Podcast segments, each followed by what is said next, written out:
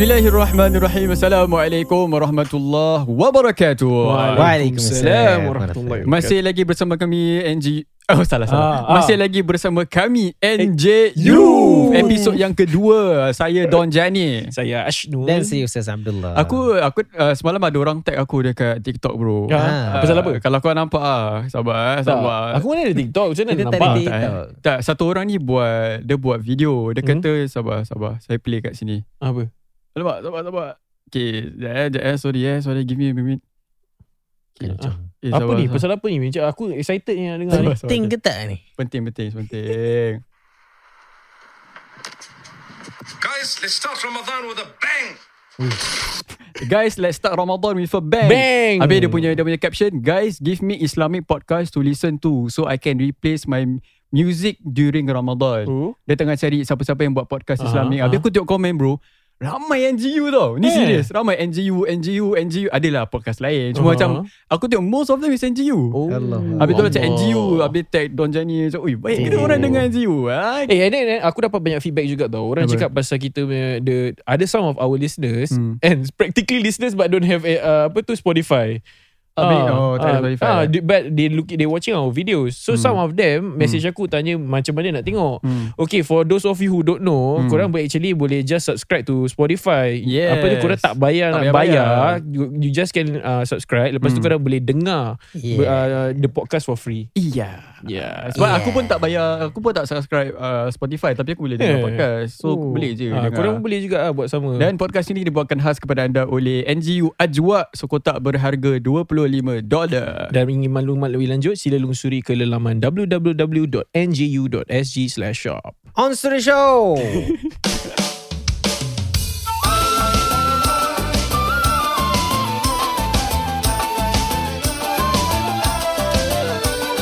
Jangan segan dan malu, marilah mendengar NGU Ajak kawan-kawanmu menjadi pendengar berilmu Jangan segan dan malu, marilah mendengar NGU Ajak kawan-kawanmu menjadi pendengar berilmu Lai, lai, lai, lai, lai, lai, lai, lai, lai, lai, lai, lai, lai, lai, lai, lai, lai, lai, lai, lai, lai, lai, lai, lai, lai, lai, lai. Mari mendengar NGU Okey Ustaz Salam NGU Waalaikumsalam. Ah, Terus masuk soalan eh Soalan pertama Sila. Siapa tanya? Siapa tanya? Ah, daripada kita sahabat kita ni nama Woogie Boom. Woogie Boom. Sekiranya kalau saya pergi company event atau friends punya gathering, habis kawan saya non muslim kasih saya makanan. Okey. Dia insist untuk kita ambil and dia cakap makanan tu halal. Tapi saya tak tahu kalau pots and pans tu dia punya apa tu dia punya periuk dia pakai tu semua, dia pakai tu disertu boleh ke saya makan makanan yang diberi?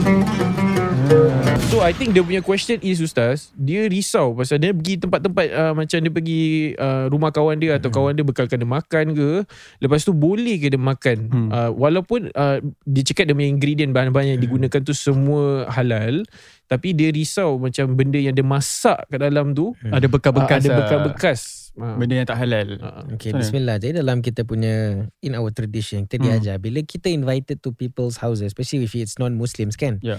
Habis dia kata it's halal Then apa-apa dia orang offer kita Selagi perkara tu tak terang-terang lah Mhm. Eh, Khinzir atau anjing Aha. Eh, Mestilah tak Makan anjing, eh? Oh yo Uh. Atau pergi negara Thailand kan Anjing We never goreng. know. Ah. Ah. So like You know if they say It's a If they offer us food Kita memang boleh makan Ah. Ah, Lagi Lagi-lagi dia cakap Dia kata it's halal Okay Hmm. So memang boleh lah Kalau Tak kita macam masalah. ada syakwa sangka macam eh, dia sertu ke tak eh? Habis kalau semalam dia masak uh, khinzir ke ada ada masukkan alkohol macam mana eh? Tak apa Memang di, Itu kau dah lebih-lebih sangat Dah lebih lah. Ah. Dah over. Kalau ikut kan kalau lagi tu coffee shop pun tak boleh. Tahu tak apa Kita minum aku that time beli Milo ice Ah. dekat coffee shop Ah. pakai Tiger Beer punya cup. Ah, Ayo Dia cuci apa tapi boleh lah ustaz gitu, boleh lah. Boleh That's Ah. what I'm saying Is that bila kita Especially bila If we If we look at halal to a, a, a- a micro, mi, microscopic level Ah. kan Hmm. eh, Memang kita susahkan diri kita lah In Aha. fact Islam datang untuk senangkan Bukan untuk susahkan Ah. And I think that when you talking about ni dia cakap it's a company kan. I Hmm. think that even for me some of my Chinese friends juga Hmm. yang lagi prihatin atas Hmm. kita macam like Hmm. eh it's okay don't worry we take you out we bring you this Yeah, one is yeah, a halal yeah, Ya, same. place. My Hmm. non-Muslim Yeah. friends also Yeah. does the same thing. So kita we should have that in mind lah and uh, jangan yes. Okay, saya nak add on satu question Ustaz. Sila. Hmm. Sekiranya lah uh, dia dah ah, cakap macam gini kan. Hmm. Okay, kita pergi barbecue pula. Mhm. Kan kita uh, dalam negara kita yang majmuk ni. Hmm. Apa you kan, apa? Majmuk, ah, Bagus ah, lah kan, kan, Hmm. Melayu kau eh. Kita Melayu uh, sastera. apa tu guna barbecue barbecue pit yang kita guna ni. kan lepas tu Ah. uh, kan kita using the same same grill tau. Oh ya ya. Ah, Wah, using eh. the same grill. Ya eh. Ah, habis kita memang kita tahulah orang ada makanan yang makanan non halal. Hmm. Ah, habis kita gunakan benda tu sama. Patut ke sampai kita tahap nak kena sertu tu pak tu? Ah. Patut orang barbecue babi kat situ. Ah. Okay. Kau kira nari word favorite kau Ah, ah. Eh? Babi lah.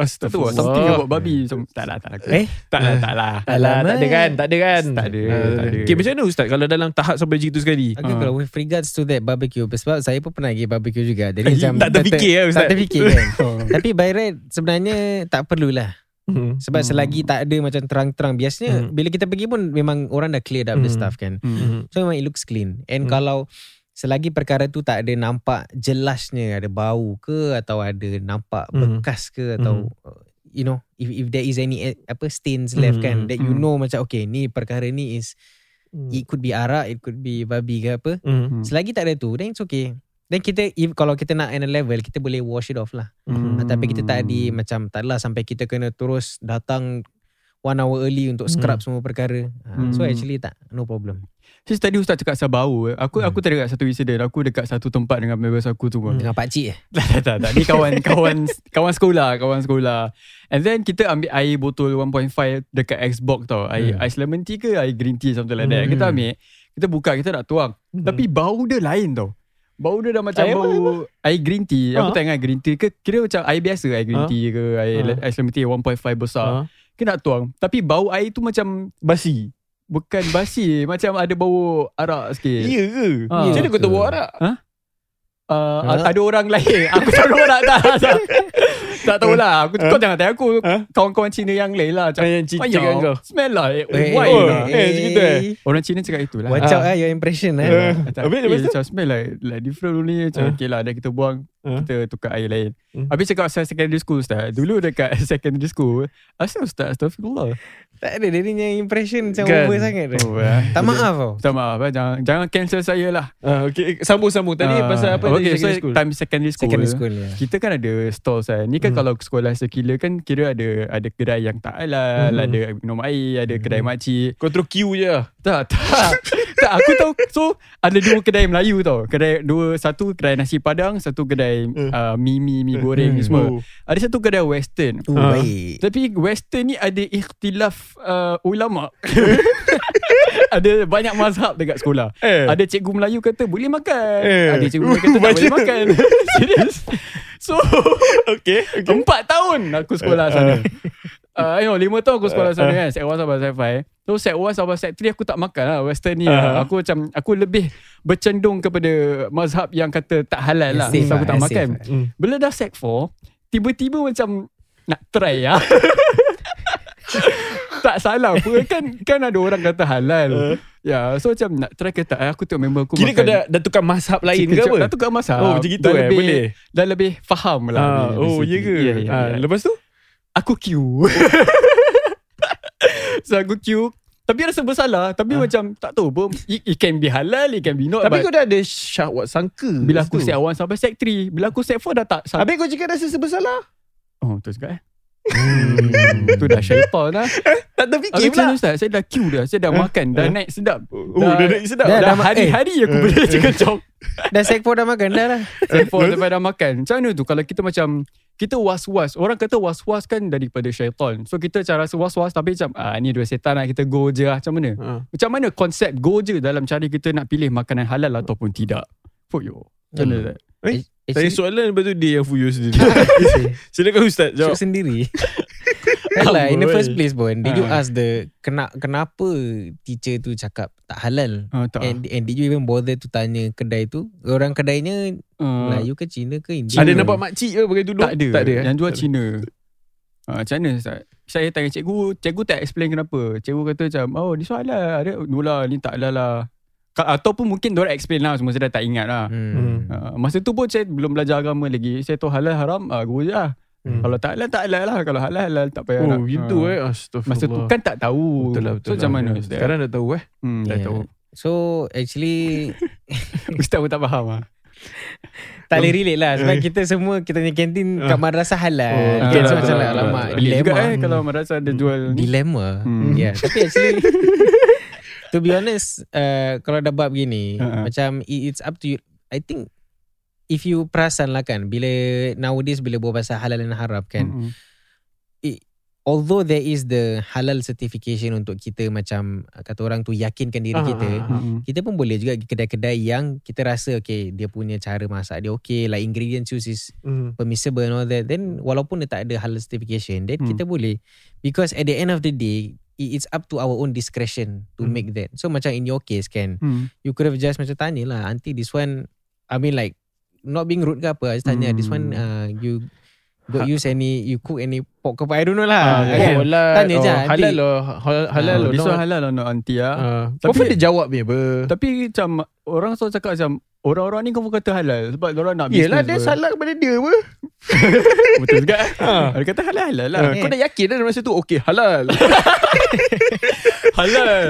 Boleh go. So beli lah. Yeah, I mean like it's the same concept macam kita pergi rumah kawan. Hmm. I mean it's the it's the trust lah kita letak korang kita tanya perkara ni halal ke tak. And then Hmm. like I mean nowadays even in Singapore punya context Uh-uh. uh non-Muslims would understand halal is generally is no pork or no, No lard lard. or no Hmm. alcohol and all that. Hmm. So tanya okay if for you rasa masih nak makan nampak pun cara dia siap Aha, okay. Uh-huh. okay. Boleh lah. Silalah bismillah. kalau rasa Tapi ragu-ragu, kalau tak masih mau rasa lah. was-was then janganlah Elakkan. itu je. Dia kalau ragu-ragu tapi masih go macam mana? Astaghfirullah. Tu dah Kau Dosa dah lah. ragu apa That's the thing Benda ni tak susah bro Benda ni Dia kalau kau rasa macam Ah. Oh aku rasa ni tak boleh makan Okay avoid Ah. Ah, Jangan Tapi kau bila cak- Aku rasa benda ni Ah. tak boleh makan Tak apa aku queue Mana tu halfway tu aku Curious. macam Ajmal, ah. Kira dia punya guilty sampai sekarang. Ah tau. itu lah Dia macam Ah. Dia nak Dia nak sedapkan hati dia, dia macam, Ha. Okay tak apa Ni aku queue dulu nanti uh, Halfway tu kan Aku rasa macam dah okay dah nanti Ah, Ah. okay, Tak okay. doesn't make sense what Okay, okay. Macam tadi Hmm. Ustaz your solution is tanya lah orang Ah, tu. tanya. Ah. Saya pernah tanya Ustaz. Lepas tu kena marah. Serius Serious eh. lah? ah. Tapi ni saya tengok orang Melayu Hmm. So basically dulu There was once a Few years back ah Orang kata macam Kau tahu macam MRT punya kedai-kedai makan Nasi ayam Nasi lemak Hmm. Ah. So there was a, Macam CP, Apa Macam It's a viral thing Orang kata dia ni tak tak halal Makanan-makanan ni Hmm. tak halal Walaupun makcik yang jual Tapi tak halal Sebab tak ada sijil halal So memang tak ada sijil halal Mhm. So aku macam uh, Pergi lah Tanya macam Mhm. Cik uh, sorry ya uh, Ni halal tak eh Makcik terus Kalau tak kalau rasa tak halal Tak mau makan Balik Macam Eh lah Kalau- Tanya je Ma- Makcik tu confirm that, I think that was the 10 question she got bro Ada chance lah Thanks to the viral sebab masa post. tu tengah-tengah viral lah So Ah. aku rasa ramai, ramai orang approach dia lah Cik dia pun dah Ah. bingit Kau nak makan makan lah Tak nak makan sudah So aku rasa tu yang buat orang Rasa takut nak tanya tau Nanti aku tanya kena, kena marah pula Tapi betul lah apa Macam Ustaz cakap Yeah. Like Hmm. first you can do Is just ask First, And then maybe you- first you can do pun you tengok dulu. Ah, lah. Look at the Ah, situation around, The tengok environment makanannya. ah. Sister cakap pasal ni kan Ada orang macam Overly Overly macam Was-was tau Kira Hmm. hmm. macam ada satu video ni lah Kalau kat YouTube Kalau korang ingat macam Apa yang suami Yusof punya video Dia nak buka tau Ustaz Ah. Lepas tu ada rambutan Ada Oh. buah-buahan Habis tu rambutan Rambutan ni Rambutan eh Kira kau spot aku eh Aku tak cakap apa-apa Kau senyum ber Aku senyum So, je Habis Suami Yusof dia kata Rambutan ni siapa yang tanam Apek ke pakcik yang tanam Air ni siapa yang buat Cina yang Mu'alaf ke Cina yang tak tak Islam Astagfirullah Kira dah overly was-was Macam mana gitu Ustaz Kira tu kira takwa dia dah next level ke Itu dia punya- Dah zuhud dah. Itu dia punya jaga-jaga banyak sangat. I think kita pun nak explain. Kira Hmm. like kita dalam pengetahuan kita dan ilmu kita pun there are many levels. Hmm. For example kita ada level yakin. Hmm. Yakin means kira jaz, kira confirm lah. Hmm. Hmm. We are very sure, surety. Sebab dalam iman bila kita beriman ni kita kena yakin lah. Hmm. Ha, kita yakin dengan perkara yang ghaib, kita perkara yang eh kita percaya perkara Hmm. pula. Percaya yang Allah dengan benda-benda yang ghaib ni. So kita Hmm. kena yakin. Hmm. Then the next is kita ada zon. Zon ni sangkaan. Ha, that Hmm. means like Hmm. um, oh uh, I have a good feeling that this is so. Uh, Hmm. Tapi there are some parts of me macam still macam 75% maybe macam gitu 75% lah. lah. We can say like that Hmm. 75%. And there is also the shark. Syak Ah, shark. Ah ni shark ni is Dekat- was-was lah. Oh 50. Bukan bukan baby shark. Astaga. Hmm, Ustaz Makin lama macam Berjadi-jadi ni, Ustaz, saya rasa ni. dah boleh join Okay, Hari maaf. Friday Ustaz Maaf. Jangan cancel saya. Okay, jadi the, Ah. the the next level is syak or Hmm. was-was lah yang kita tahu ni sekarang. So macam 50%. So how kita nak Ah. mengatasi is kita tanyalah Hmm. like what you say like Hmm. ah, kita we do our due diligence, kita Hmm. check dia punya ingredients. Kalau let's say macam paket perkara kita nak beli, we check the ingredients, Hmm. we see if it's okay ke tak. Kalau kat kedai kita tanya orang ni, Ah, kalau kita rasa okay, dia buat kita lagi macam senang hati then kita go ahead. Hmm. Ah, bawa bawa daripada syak is waham. Waham ni sangkaan yang kira lagi macam 25% lah like you So, say lah sikit lah. 25% lah. kira macam like really like I'm not Hmm. sure and then the last kira kosong kira jahal lah kira tak Jahil. tahu langsung lah Oh. Ah, no ilmu ni Hmm. langsung Jahil lah. jahil I see, I see. so Ah. like that lah basically ah was-was atau syak ni we are at the 50 50 50 point so Hmm. we have to just do our due diligence then kalau rasa okay Hmm. then dah Saya Simple. semalam ada berbual dengan Ashul pasal ni Ah. kan. Habis Ashul give, give us a really good point. Apa dia? Orang kata kalau kau semalam kata cakap, kalau betul-betul orang macam very particular about this thing, dia tak, tak mau keluar rumah lah. Ah, betul juga. Ah. Then kau beli yang NGU punya Salbu Tohir tu kau keluar setiap langkah tu kau, kau spray setu je tak habis-habis. Ui baik. Ah. Uh. NGO boleh kaya. Ah, kan? Gaji boleh naik. Betul juga eh bro. tak betul. Okey lah. Tak rasa orang Okey lah. dengar pun podcast ni. Amin. Amin. Mana tahu eh. Betul juga. Okey Ustaz. So Ustaz, apa lagi nak tanya eh? Tak tadi lah yang pasal uh, ni Ha? the just now you said macam Hmm. kita kalau kau overly macam was-was pasal benda ni basically you cannot even step out your house. Hmm. Habis kita macam aku cakap Hmm. kita do, uh, we live in a multiracial punya society tau. Hmm. Habis kita pergi coffee shop, kita pergi hawker center. Non-Muslims also eat mu- uh, halal Muslim food. Hmm. So it's it's only normal yang macam kita will share you know sometimes we share plates and stuff Hmm, like that. Tak kita tak yakin dengan orang the the store owners tu da- don't wash their dishes and Hmm, stuff like that. Habis macam mana kita jangan makan luar terus? Actually senang lah. Actually Islam tu senang apa. Ya yeah, Dia it is tak simple payah- what. Kalau kita rasa benda tu boleh, boleh. Rasa tak boleh, tak boleh. Tak ada sampai segitu Tu sangat. macam masa aku was-was. itu simple sangat. eh, sorry. Weh, Alio kau. sorry sorry. Habis Movie. macam simple simple sangat kau fikir. Aku macam Hmm. takkan boleh boleh tak boleh tak boleh. tak, senangnya. Cue kat kau punya InsyaAllah Tak kau punya Asal hari kita macam hype gila ni lah. Next week Ramadan tu tak, tak boleh hype sangat. Ramadan kita kena Sabar. kita, kena, be spiritual. much more ready for Ramadan. Uh, inilah satunya kita caranya kita mempelajari benda-benda ni sebelum kita jejak ke Ramadan. Sebelum kita jejak bulan Ramadan, aku rasa baik korang beli NGU Ajwa kita. Hmm. Dapatkan dengan segera. Kita tinggal, uh, kita dah jual 3,000 boxes. Oh, Alhamdulillah. Beli untuk korang punya nenek. Aku dah beli dah hari tu, aku beli berapa? kalau dah 5. tak ada nenek je ni Allah. Kenapa aku tahu? Astagfirullah. Tak, Astagfirullah. tak, tak. Ada tu. tak ada ada punya muka. Muka ustaz. Kalau dah tadi ni. Janganlah ketawa benda ni serius. Astagfirullah. Okay untuk korang yang nak beli kan kita punya kotak silalah be- beli ke, melusuri ke uh, laman kita www.agu.sg shop macam kita cakap kita punya stocks ni very limited so korang cepat-cepat lah beli barang ni semua dan kita minta maaf pasal kawan, kawan kita ni semua dah tak tahan sangat dengan dia punya jokes yeah, hari Agak kurang ajar. Ya, Uh, Maaf eh. maaf lah buat, buat semua sam- uh, yang dengar kat sana Ustaz lah ni. maaf maaf okay guys, kita jumpa uh, next podcast. lah. Okay, ciao. Bye. Bodoh lah korang. Oh, serius lah. Muka kau siap. Kalau ni ni dah tak ada. Tak perlu pun tanya benda tu.